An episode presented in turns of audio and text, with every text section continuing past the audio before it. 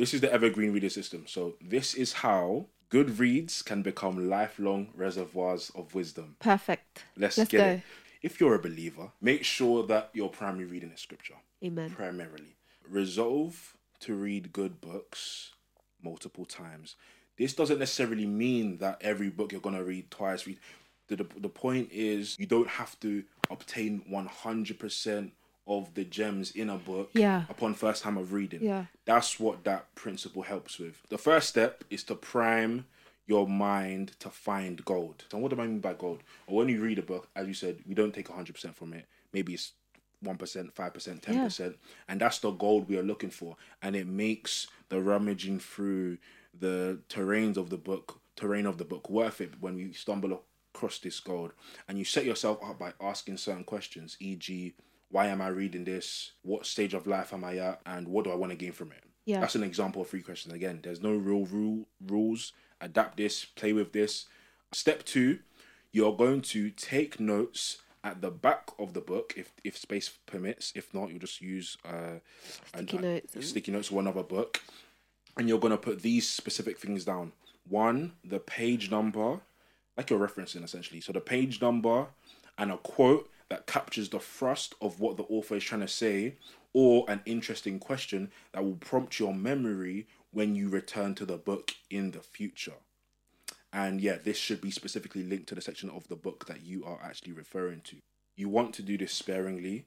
So not everything I highlight is gonna be an evergreen note. I- Okay. I, call this an evergreen note. So everything I write at the back of the book, if you lot can see, no, I don't know if it makes out, but everything at the back of the book is called an evergreen note. So let's get an example. So cool. So I turn to the back of the book because there's a part I remember there was a good part in the book about temptation, but I can't specifically remember where it was. Where it was. I want to go to it. I turn to the back of the book. I see, oh, page 230, How to Resist Temptation, The Essence of Obedience. Oh, this is interesting. Flip to page 230. Ah, this is a great system. I'm sorry.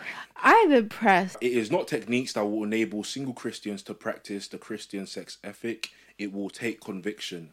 In the classic novel Jane Eyre, Jane has fallen in love with Mr. Rochester, but she has also learned that he is married and that his mentally ill wife lives in an upper room in his estate. Nevertheless, he urges her to live with him as her mistress. Okay. Boy, Dot dot dot. Still indomitable was the reply. I care for myself. The more solitary, the more friendless, the more unsustained I am, the more I will respect myself. I will keep the law given by God, sanctioned by man.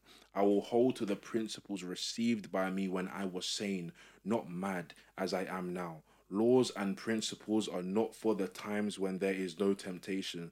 They are for such moments as this, when body and soul rise in mutiny against their vigor, stringent as they are, inviolate, yeah, inviolate they shall be. Oh, I have no idea what that word is. If at my individual convenience I might break them, what would be their worth? They have a worth. So I have always believed. And if I cannot believe it now, it is because I am insane, quite insane, with my veins running fire and my heart Oh Lord, you're so dramatic. beating faster than I can count its throbs. Preconceived opinions, foregone determinations are all I have at this hour to stand by. There, I plant my foot. I did. Whew, gosh, that was long. But long story short, this is how the evergreen system works. Whenever you want, at a moment's notice, you can turn to the back of the book, come to a page that was particularly insightful or blessed you, and you have it now. It's a lifelong reservoir of wisdom that you can share with friends. It's not something that's lost and you're searching, scrambling, trying to find it. And once you're done with that, that the third and final step is to kind of synthesize as you read.